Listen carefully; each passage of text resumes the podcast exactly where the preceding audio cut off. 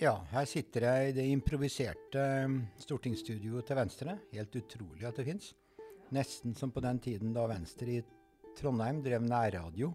Da radiomonopolet ble sluppet, og Torgeir Randa var nærradioredaktør. Så hva har vi ikke vært med på?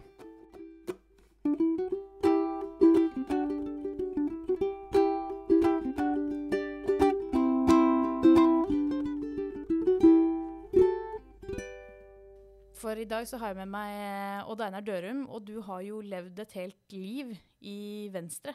Hvorfor meldte du deg inn i sin tid? Kortutgaven av det er at eh, jeg ble forelska i brannsjefens datter på Trondheim katedralskole, som var aktiv i Unge Venstre høsten 61. Og samtidig så hadde jeg det samfunnssynet at jeg var ikke sosialist. Og etter å ha vært en tur innom Unge Høyres skoleringstilbud, så konstaterte jeg at jeg heller ikke var høyremann. Og det skyldtes bl.a. den måten de snakket om norsk politisk historie på. Det godtok jeg ikke. Og så var det slik at da oppdaga jeg plutselig etterpå en kar som kom fra Akershus, som snakka bokmål, som drakk øl og ikke var nynorskmann. Kort og godt, det var rom for meg i Venstre, selv om jeg ikke tilhørte alle de Min barndoms oppvekst, for den var full av fordommer. Da besto livet av de som var for friheten, det var Høyre. De som var mot friheten, var Arbeiderpartiet. Og de som var enda mer mot friheten, var kommunistene. Og på Vestlandet maula de bare. Det er jo selvfølgelig en forferdelig forkastelig måte å se på mennesker og andre ting på. Men jeg brøt meg ut av dette. Og slik ble jeg da medlem av Venstre, og fant fort hele partiets kombinasjon av hvordan skal jeg si det? Dette fabelaktige slagordet fra den tiden. Eh, vi er ikke blinde krefters vold. Vi kan selv forme vår framtid. Altså hele denne fantastiske eh, måten å koble frihet og fellesskap på. Det brakte meg inn i Venstre og har holdt meg der senere. Så det var delvis eh, slump, men også en bevisst leting etter noe annet enn det jeg etter oppdragelsen skulle ha. Etter oppdragelsen skulle jeg vært høyremann, men det ble jeg ikke. I dag så skal vi snakke litt om å utfordre systemene og være den politikeren som tar de kampene. Og det er jo egentlig litt sånn undertone i hele Venstres ideologi og de ti liberale prinsippene våre at vi, eh, vi sier jo ofte at eh, bedre alltid er mulig. Det er alltid noe vi kan gjøre for å, for å komme videre. Og du har jo selv sagt at politikk er systemutvikling. Hva er det du legger i det? Ja, eller systemutvikling. Det betyr at for å styre samfunnet og gjøre livet bedre for alle i samfunnet, enten det er i hverdagen der du bor, eller det er i stedet hvor du har din jobb, eller yter din innsats for å tjene penger, eller, eller der du vandrer og tenker, enten du er på tur i vårt fabelaktige natur, eller på andre måter bruker det vi kaller for fritid, så lager vi ordninger gjennom de ordningene vi har i stat og kommune, og gjennom lovgivning. De systemene har vi noen idealer bak. Men av og til kan det bli avstand mellom de idealene vi hadde, og det som skjer i praktisk praksis. Og jeg tror det er spesielt er utfordrende nå for tida, fordi da skal vi ha praksis, lovgivning og IKT-systemer til å henge sammen. Og vi har dessverre mange eksempler på at lovgivning, organisering og IKT-systemer ikke henger sammen. Og da blir livet veldig vanskelig for folk, altså de som er avhengig av disse systemene. Og da er det helt nødvendig å skjønne at det ble ikke slik som du håpet og trodde på. Du må gjøre noe med det. Du må skjønne hvordan de menneskene som ikke oppnår det de skal ha, egentlig har det. Du må tåle rett og slett å gå ned i hverdagen. Og så må du samtidig ha den tanken i hodet at bak dette ligger det en lovgivning med noen klare hensikter. Gode hensikter ofte. I betydningen at man skal gjøre livet bedre for folk. Og så ligger det praktiske organiseringer i hvordan du bygger opp kontorer og administrasjon, og hvordan du lager IT-systemene. Det å være et ombud er å skjønne, eller ha nysgjerrighet for denne hva vi kaller for kompleksiteten i hvordan vi styrer samfunnet, og samtidig huske at ved enden av dette systemet så er det mennesker.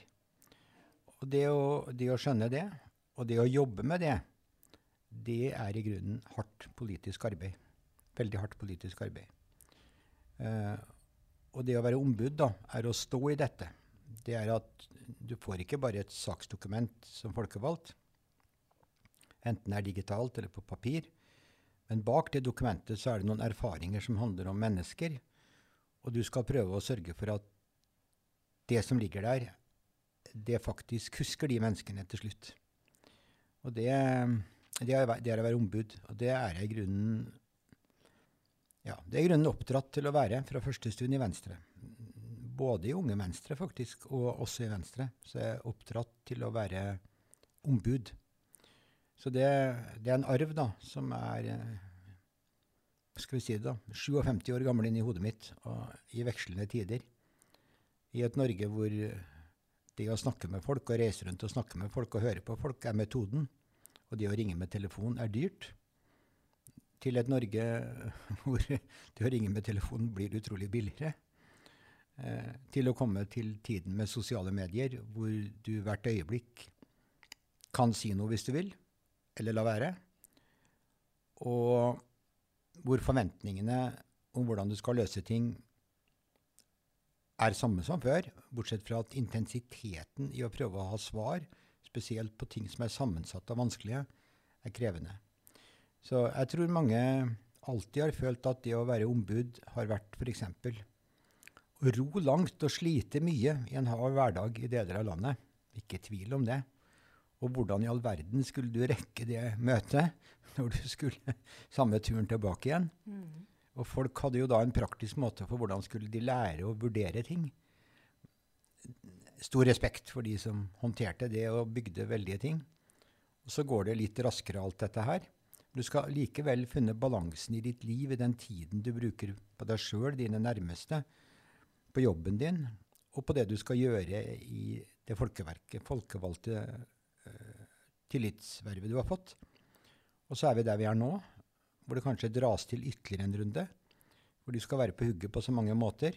Men det er fortsatt denne balansen mellom der jeg og mine nærmeste er, der jobben og det jeg inntekta av er, og der jeg skal gjøre jobben for samfunnet som folkevalgt.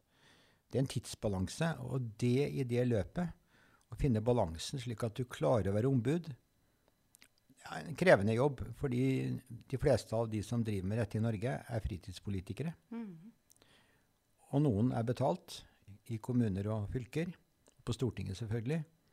Men de aller, aller fleste er ombud på fritid. Slik at det spørsmålet du stiller, det er at der har jeg alltid vært. Og det har alltid vært krevende å finne den balansen. Og det var fullt mulig for 57 år siden å glippe på den. Fullt mulig. Men det ville antagelig ikke gått bra da, eh, etter at Venstre ble et mindre parti etter den splittelsen vi hadde i, i 72. Så da var jo mange venstrefolk nettopp de som var veldig flinke til å være ombud. Jeg vil si at ombudene til Venstre bar Venstre etter en veldig ødeleggende splittelse. Og en annen ting som bar Venstre, var at Venstre som første parti i Norge innførte kvotering for å sikre lik, eller sikre 40% menn og kvinner. Og det er ingen tvil om at mange av de kvinnene som var rundt Venstre, de så det som en forpliktelse å følge faktisk det vedtaket når det var der. Så summen av disse tingene har nok vært mye sterkere for å bære fram Venstre enn enn det kanskje mange tenker over i dag. Men det er mitt inntrykk. Den styrken bar Venstres idealer og verdier gjennom lokalpolitikk og tilbake igjen i rikspolitikken, slik som vi opplever det de senere årene. Mm. Ja, for Du nevner her at det, er, det, også er en arbeidsmetodikk. Og det var jo kanskje slik jeg kjenner deg, så er jo det en, en metode du har hatt hele veien. Du liker, å, du liker ikke å, gå mellom mellomledd. Du vil snakke med folk som er tett på. og og det var kanskje synlig, aller mest synlig når du var justisminister. Når du brøt litt med de forventningene det var til den rollen. Du ville rett ut med politiet og gå nattpatrulje selv for å se hvordan de eh, håndterte voldskriminaliteten sjøl. Du inviterte sexarbeidere inn på kaffe i Justisdepartementet når du, når du arbeidet med sexkjøpsloven, fordi du, du ville ikke gå om eh, mellomledd. Eh, er det, er det en, en, filosofi, eller er det en direkte arbeidsmetode? Nei, det er en arbeidsmetode. Og, øh, og den er mye bedre uttrykt enn det jeg gjorde i sted av Per Kleppe, Norges tidligere finansminister, for noen tiår tilbake, som jeg traff en gang på Fafo. Rundt den tiden da jeg var statsråd. Og da sa han til meg veldig kort da, at det å forene mikro- og makroperspektiv i politikk, det er det som er det harde arbeidet, sa den tidligere finansministeren. Og det var jo helt riktig. Og det du spør om, det kan jo svares på på følgende måte. Når du er sjef for noe, og i et departement du, som statsråd så er du sjef for mange ansatte. Og hvis du skal en god sjef, så skal du lese alle de rapportene og dokumentene som kommer. Men for å ha evnen til å kunne stille gode spørsmål, så må du ha noen inntrykk fra den hverdagen som alle de menneskene er i. Og da må du på tur. Måtte på tur med politiet på jobb, som er gjort siden 93, men med unntak av i år, da. Pandemiens år. Og du må på jobb og se hvordan andre gjør det. Eh, når du er stortingsrepresentant og jobber med utdanning, altså f.eks. her i Oslo, så besøker du Jeg rakk å besøke 108 av de av de ca. 170-180 skolene som vi hadde da. Du må gjøre det, og du gjør det uten journalister. Uh, ja, og vil si uten selfie. Fordi poenget er at du er der for at de du besøker, forstår at du er nysgjerrig, og forstår at du skal ha noe å lære. Men det er en arbeidsform som jeg har hatt med meg fra tidlig av. Da jeg var stortingsrepresentant for Sør-Trøndelag, nå er jo Sør-Trøndelag og Nord-Trøndelag slått sammen til Trøndelag. Så lovte jeg å besøke hver av de 25 kommunene minst én gang i året. Og det gjorde jeg. Sammen med Venstres lokale folk. Det gjorde jeg. Og statsråd så besøkte jeg alle lokallagene i Oslo Venstre minst én gang i året. Fordi de hadde jo stilt opp, og de måtte vite at jeg ikke skulle være fjern og være borte, men at jeg kunne nås. Og den gangen da i Sør-Trøndelag for cirka, godt og vel 40 år siden, så bestemte jeg meg når jeg dro rundt på besøk i kommuner, så skulle jeg systematisk besøke sykehjem. Det var, det var noe nytt på den tiden innenfor eh, det vi kan kalle for eldrepolitikken. Og jeg skulle besøke småbedrifter og gründere. Helt systematisk gjorde jeg det. Så jeg husker jeg traff en i Selbu. Jeg tror det var i 1980 ja, slutten av 77, inn i 78, så sa han 'Hva gjør du her?' Det er over tre år til neste valg. Så sa jeg at jeg kommer til deg for at jeg tror du driver med noe som jeg har godt av å lære noe om. Så skjønte han jo at det var det som var poenget, og jeg lærte mye da. Mm. Det minner meg om det lokallaget som uh, stelte seg ut på stand par, uh, en uke etter valget for noen år siden. Og så møtte de velgerne som lo av dem og sa er ikke dere litt seint ute? Nei, nei, vi er bare tidlig ute. Ja, Det er godt sagt, det, da. Fordi det er noe som ikke kan Altså, alle sosiale medier uh, kan ofte få en voldsom kraft. Uh, spesielt få en voldsom destruktiv kraft. Skal du ha en god kraft, så må du bygge på reelle sosiale kontakter. Uh, an, altså mennesker som treffer hverandre. Det er vel det da For å holde seg til at noe er digitalt, da er dette analogt, men det er sosialt, sier jeg. Det, må, det, ligger i bånn. Så kan du selvfølgelig forsterke det. For når du kjenner hverandre, kan du ta en telefon, du kan sende en mail, og du kan, du kan gå på Messenger. Du kan gå på alle de, alle de tekniske hjelpemidlene vi har for å komme i kontakt. Men det kan du gjøre for å sørge for at du får mer ut av kontakten. Men det er ingenting som erstatter selve det personlige. Og valg er en ganske ensom ting, for du skal ha tillit. Og den tilliten får du fordi folk skjønner at du gjør noe skikkelig. Så når Ola Elvestuen f.eks. fikk en vepseart oppkalt etter seg Nå husker jeg ikke om det var i 2013 eller 2015. Jeg husker bare at det var noen i Venstre som ikke skjønte poenget med det. Poenget med det, det var for at jeg vet om to jeg, eh, som har fått en veps oppkalt etter seg. Det var en kar som ledde før andre verdenskrig, og så er det Ola Elvestuen. Og det var en anerkjennelse, da, fordi Ola hadde jobbet så grundig med biologisk mangfold over tid at han fikk dette tilbake igjen. Så, og det du ellers får tilbake, er jo alt det du lærer. Og så er det alle menneskene du treffer. Så det du spør meg om, om justispolitikken, handler om å lære der du er sjef. Men det er ingen annen arbeidsform enn å være stortingsrepresentant for Sør-Trøndelag i 1977, eller være stortingsrepresentant for Oslo i år 2000 enn si i år 2009 å være bystyremedlem i Trondheim, eller bydelsutvalgsmedlem på Rosenborg, eller bydelsutvalgsmedlem på Skøyen eller Ullern, eller bystyremedlem i Oslo, eller statsråd. det er, en, det er en arbeidsform.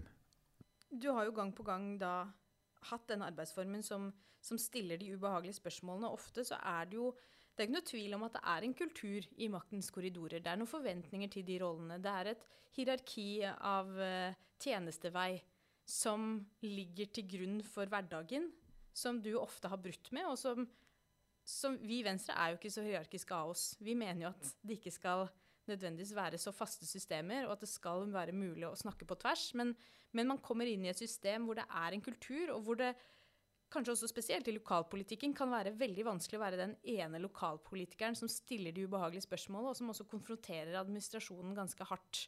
Og hvis du da er alene om å gjøre det, så blir det fort ensomt, og du kan lett få motstand på metoden din framfor innholdet i det du faktisk stiller spørsmål om. Hvordan har du stått i det? Jeg, jeg, skal, jeg skal, bruke eksempel med en dessverre avdød venstremann som sto i det som et svar på spørsmålet. Han het eh, Odd Gunnar Gjerdehol, var lærer og sauebonde i Oppdal. Han kom inn i Venstre på mener jeg husker på 60-tallet, 1960-tallet. Så døde han dessverre i 2016.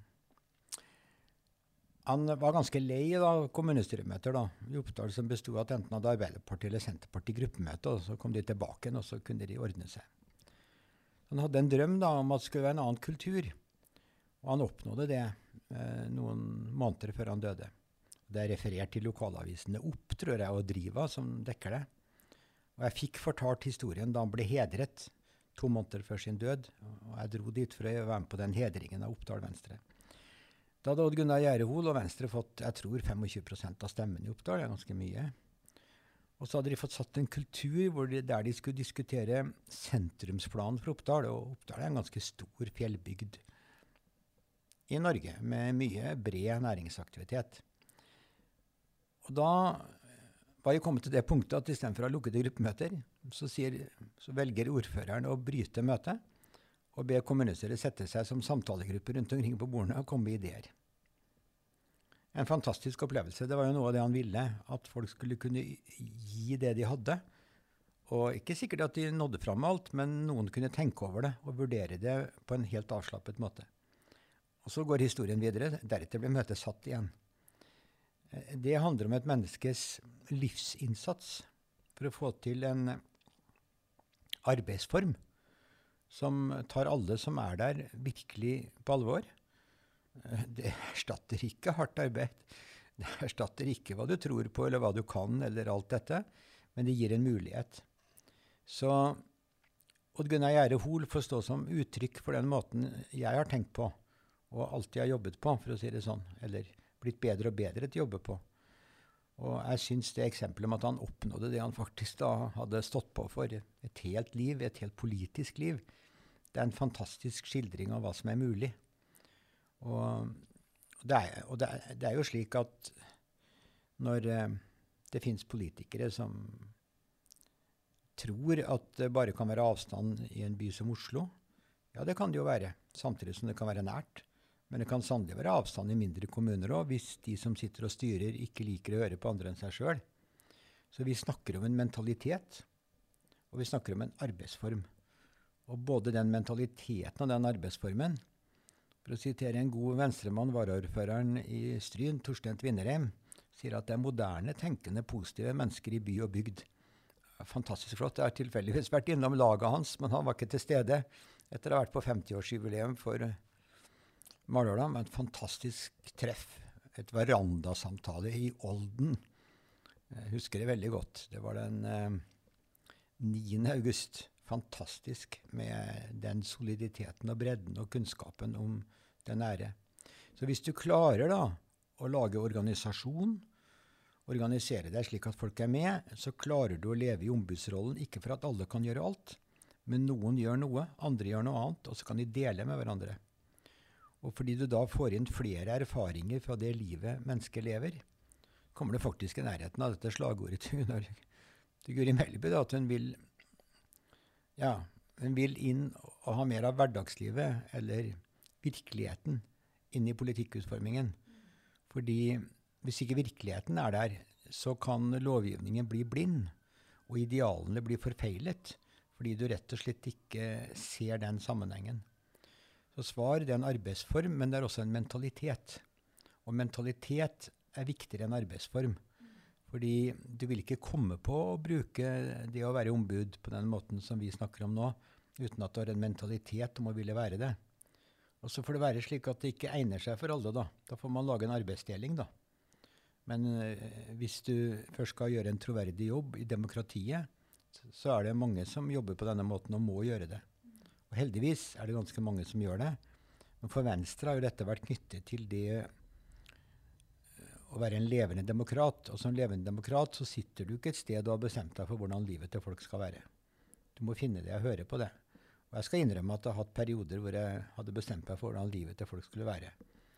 Men eh, intens nærkontakt med trønderske bygder lærte meg fort at de bygdemiljøene jeg traff i Trøndelag, med alle disse hardtarbeidende, både bøndene og fiskerne, det var jo skolerte mennesker. Og de var veldig rause. De forsto at verden besto utenfor der de var, men de ville ha respekt for den verden de levde og jobbet i. Og det er ikke noe forskjell fra dem eller til industriarbeidere eller folk som i dag sitter i alle servicenæringene eller står på innenfor pleie og omsorg, står på i utdanning. Altså, det er noe som Folk vil gjerne bli sett i det de gjør, og så vil de ha respekt for det de gjør. Og så vil de at noen skal bry seg nok til at de kan få lov til å gjøre jobben sin.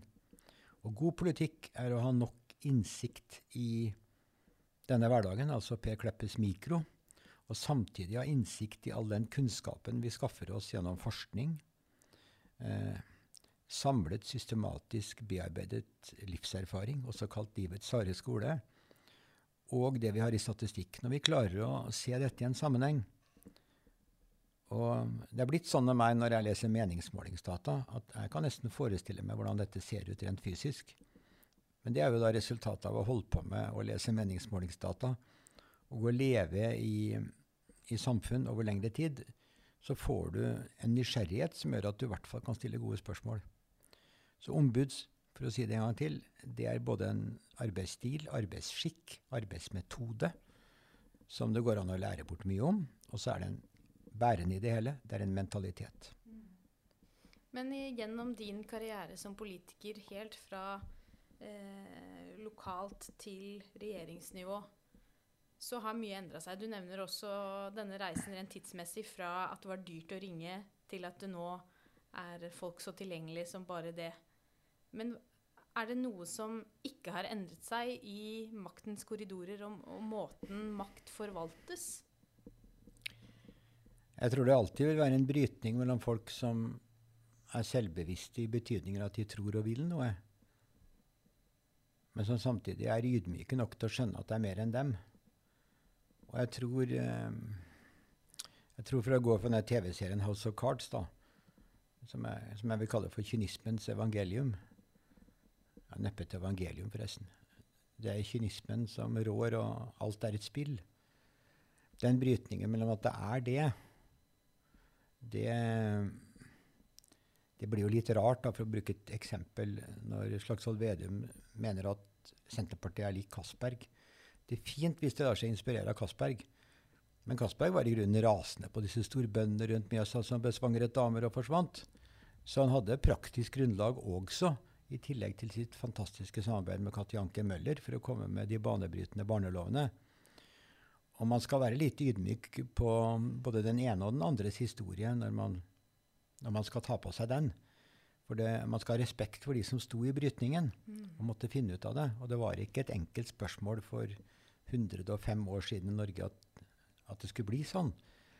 Men ikke sant, Castberg er jo genial, da, for han, han sier jo, juristen, han sier jo det at vi må legge til grunn at enhver far er glad i sitt barn. Det gjelder jo ikke alle, men du kan ikke påstå at det ikke gjelder de fleste. Mm. Så han, han, han, skjønner hvordan levende relasjoner med mennesker skal til for at jussen blir en reformkraft.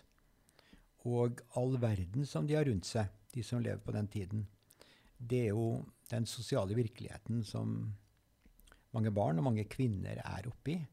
Nå skal du se det. Nå skal du oversette dette til politikk, til lovgivning. Men bak det ligger hele denne virkeligheten. Og det er jo det samme som Ta et annet eksempel som norske krisesentre, som ble dannet på slutten av 1970-tallet, de hadde jo sett mange av de tiltakene og tilfellene og livene som handlet om vold i nære relasjoner.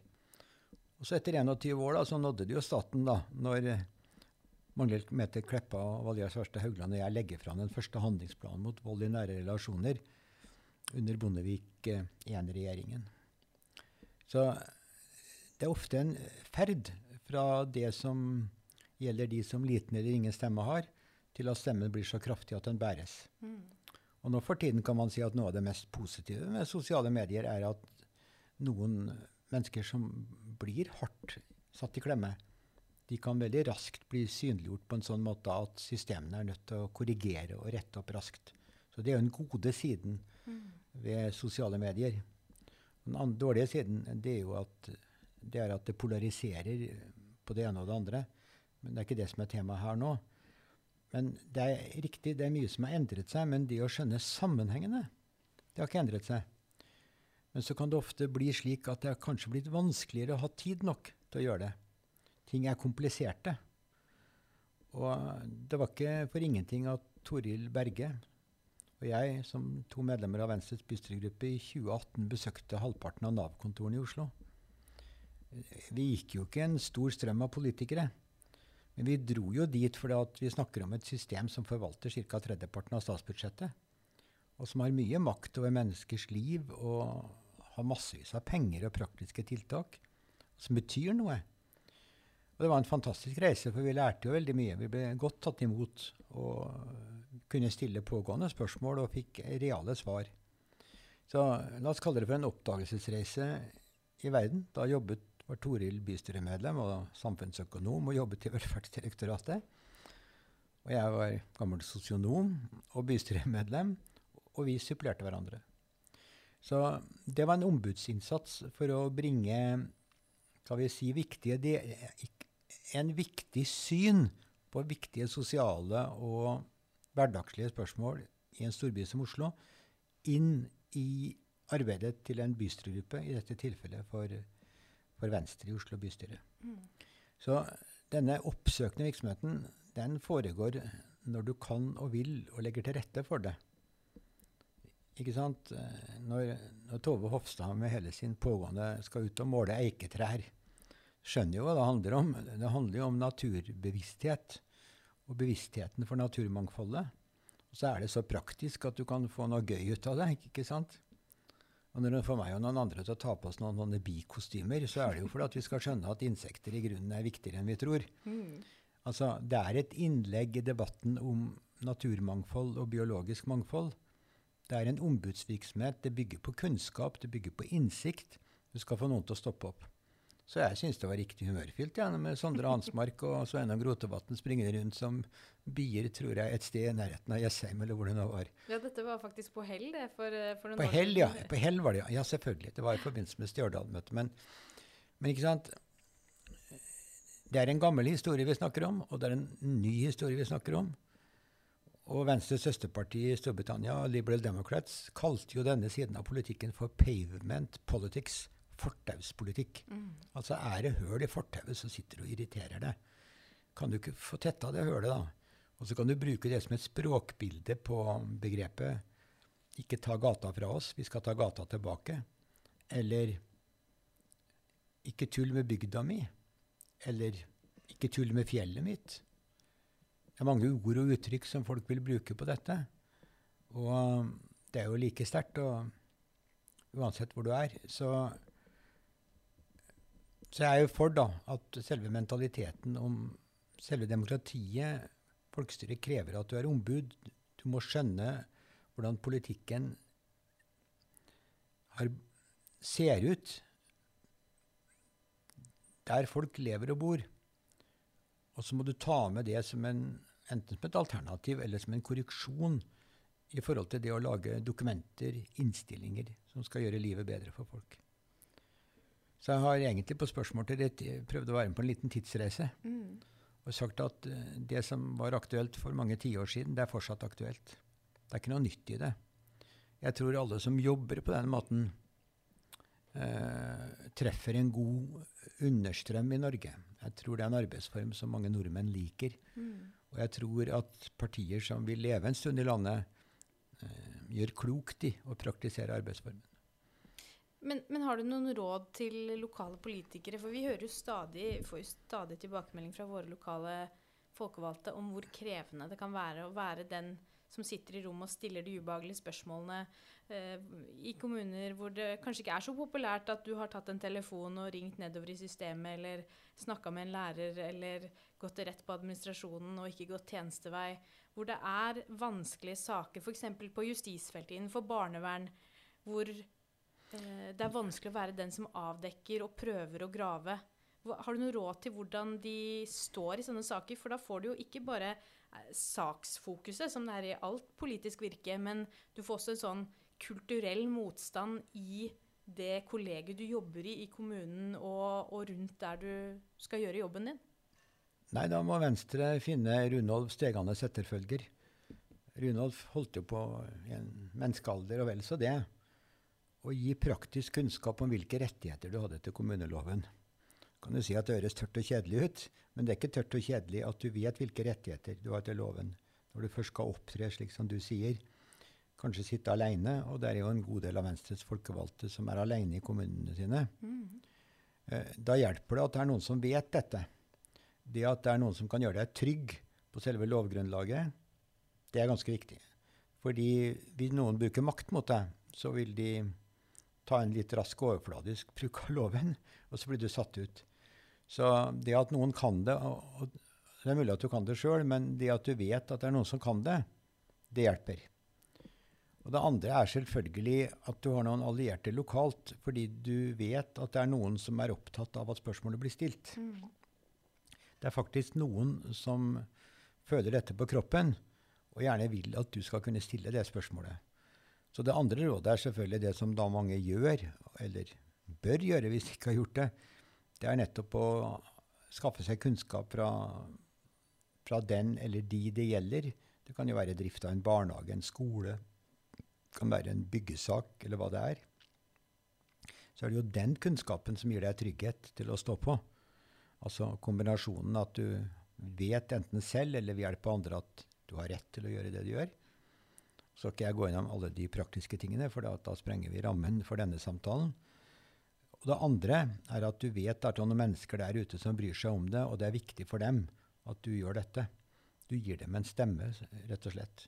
Men det er det, er det som er de to viktigste rådene. Mm. For noen vil slå deg ned på formalia, og noen vil lure på hvem du representerer. Ikke sant? Og da vil de si men de sier egentlig da hvem representerer egentlig du? Du er jo bare én. Og jeg har sjøl opplevd det, så jeg skal bruke det for å illustrere historien. Jeg, var på Dun Rei i 1986, etter at jeg hadde vært ansvarlig for å ta Venstre ut av Stortinget etter 101 år, i 1985. Og da starter det, og jeg leder en delegasjon med gode Jan Kløvstad og mange andre gode venstrefolk, hvor vi skal stoppe en atomreaktor nord i Skottland. Når du kommer dit, så ser ledelsen på Dunrei og sier at Mr. Dørum, er det ikke slik at du representerer et parti som ikke lenger er på Stortinget? Så sier jeg Selvsagt er dette riktig, sør. Men i denne sammenhengen tror jeg at de gjør best i å ta hensyn til at jeg representerer en bredde i det norske folk.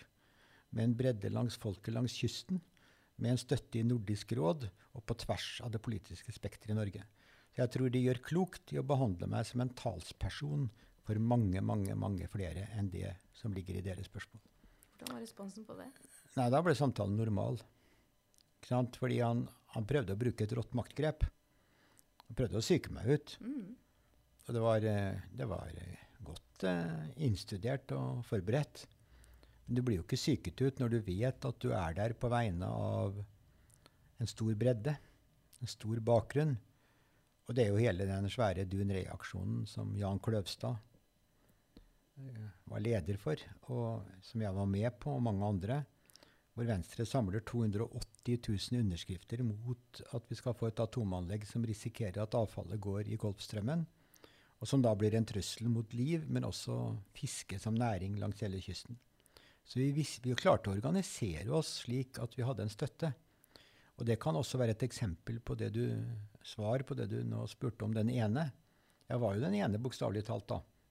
Selv om jeg hadde venner ved siden av meg ved bordet. Men det var jo et rått, det var en ganske rå takling. Men han, men han ble jo kontant taklet tilbake. Så det ble fred i heimen, som det heter. Vi, vi fikk en normal samtale etter det. Han, han skjønte at han ikke kunne fortsette med det spørsmålet. Så deretter ble vi redelig behandlet. Men det var et forsøk på å sette oss ut fra starten av. Men det er slike typer tilfeller, det, det har du sikkert opplevd på alle nivåer av politikken. eh, Ja. Det er jo ikke bare å parere, parere alt. Nei, men la oss, la oss ta en historie som både er røff og litt vakker. Jeg tror det var Jeg kom inn i Trondheim bystyre i 1967. Og jeg husker ikke om det var 67 eller 68, men da sa en av Arbeiderpartiet Jeg var jo en aktivistisk person. Da som nå. Eller nå som da. Så jeg, så jeg fikk jo beskjed da, fra en av Arbeiderpartiets ledende koryfeer, og det- er omtalt i Trondheim bys historie. Sett deg, Dørum. Det er vi som har vakta her. Mm.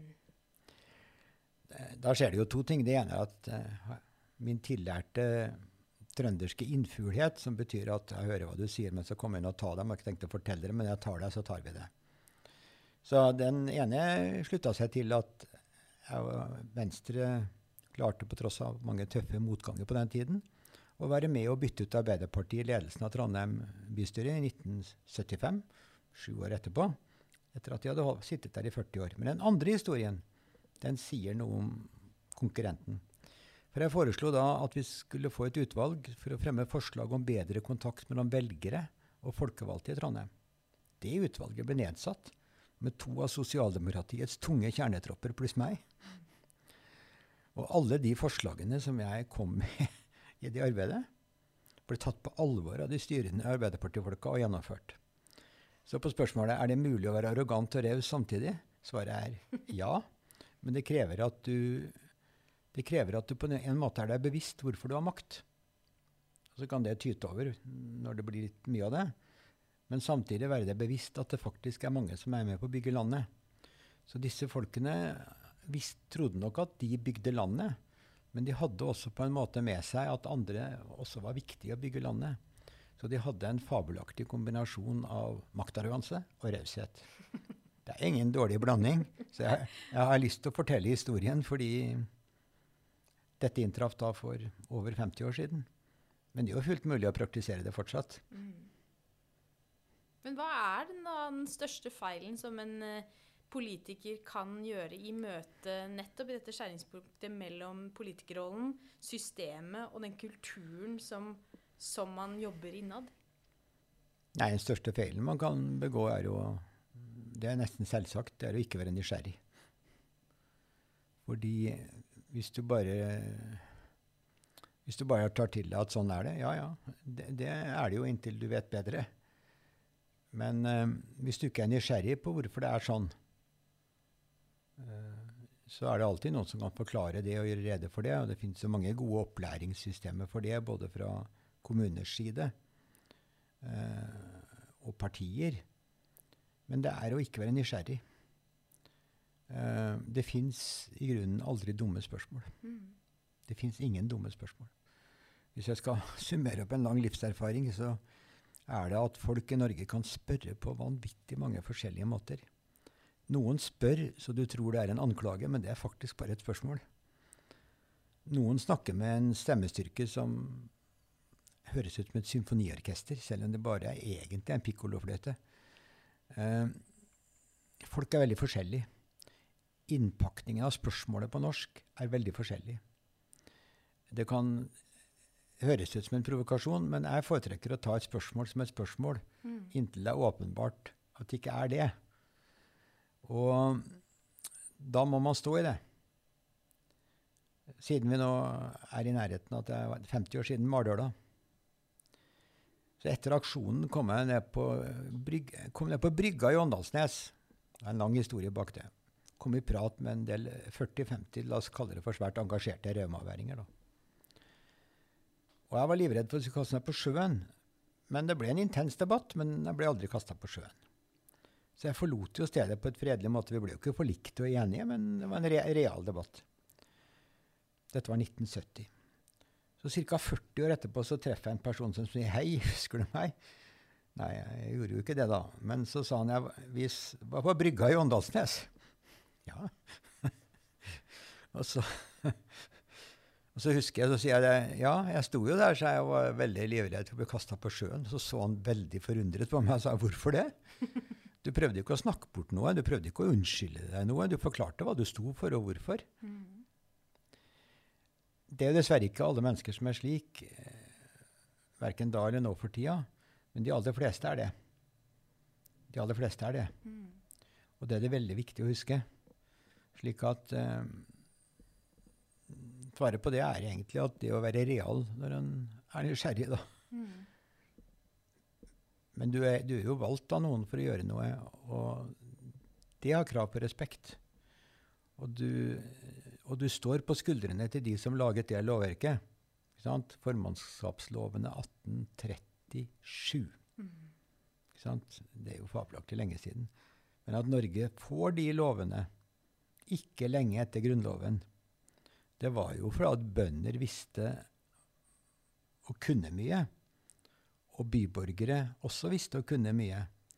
Og da ble det jo flyttet makt fra embetsfolk til folkevalgte. Mm. Og det er jo selve den diskusjonen som foregår nå også. ikke sant? Hvis du tar noe av den svært kompliserte debatten om sykehusutbygninger, så er det noen som mener at stortingsrepresentanter, vi kan snakke om kommunestyremedlemmer, skal holde seg langt unna. Mm. Men jeg har vært med på å lage et, og heie på med støtte i Venstre et stille opprør i Oslo bystyre. Altså Helse Sør-Østs planer for Oslo universitetssykehus handler om veldig mye, men noe av det er at på et eller annet tidspunkt skal det komme 50 000 pasienter til Oslo. Ja, hvem er de, da? Og hva skal man gjøre for å være skikkelig med de? Det handler om at du må ha kunnskap i noe som er komplekst. Mm. Og da er det ikke gitt at en faglig tung gruppe som sitter et annet sted, alene har rett. De må finne seg i i hvert fall at det blir krevd to alternativ, og ikke bare ett.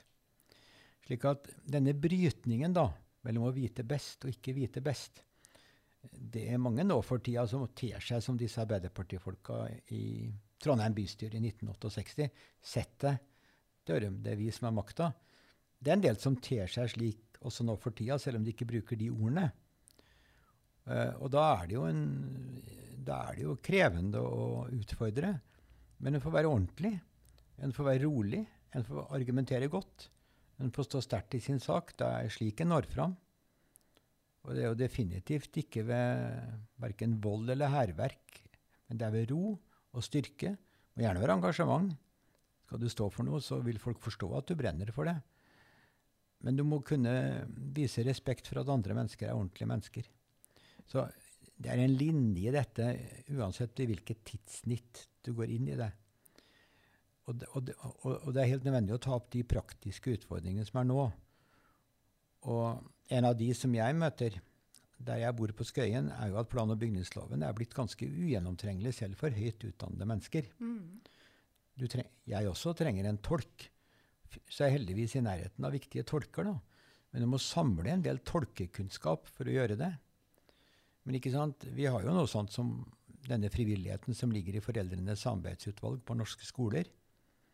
De kan veldig mye om både ungene sine og skolen. Mm. Og det er klart at det å spørre dem, da, er jo å bli noe klokere i, hvordan barn og elever har det. Så det er bare et eksempel på å gå ut og spørre. Jeg fikk jo et fantastisk opplevelse av det når 19. juli i år. da. Var på møte i Bykle Venstre. Aldri vært på møte i Bykle Venstre før. Og Det var lov til å være 20 mennesker i det møtet, og kommunelegen hadde tillatt at det kunne være et møte med 20. Men hadde en sånn morsom kommentar at det ble neppe fullt. Men Bykle Venstre hadde 19,5 til stede. En halve var en baby. Og så hadde de venteliste.